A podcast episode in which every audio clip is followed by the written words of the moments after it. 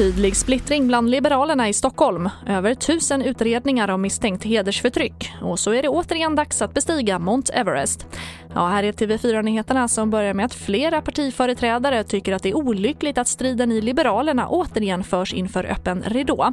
Nyligen röstade Liberalerna i Stockholms län mot partistyrelsens förslag om att arbeta för en borgerlig regering även om det kräver stöd av Sverigedemokraterna. Det ger en signal till hela Sverige. Då visar ju det att det finns andra som tänker annorlunda. Och, och jag tror det är en jätteviktig signal att stödja dem i söder och väster att Stockholm är inte enat i den här frågan. Konflikten i Liberalerna är djup och sårig och sker delvis öppet i sociala medier, någonting som väcker kritik internt i partiet. Då är man inte lagspelare menar jag. Sen kan man dela uppfattningar, men det har man internt. Man går inte ut och basunerar ut det här.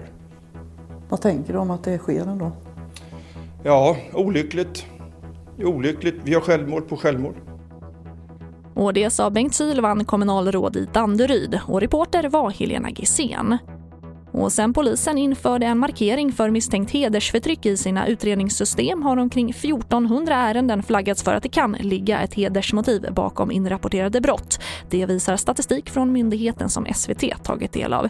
Hedersmarkeringen infördes i september 2019 men polisen och flera bedömare menar att mörkertalet är stort då anmälningsbenägenheten i de fallen tros vara mycket låg.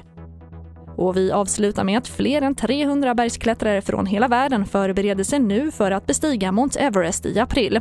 Våren är den bästa säsongen för att bestiga världens högsta berg.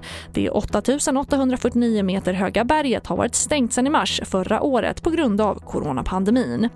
Och det var det senaste med TV4 Nyheterna. Jag heter Charlotte Hemgren.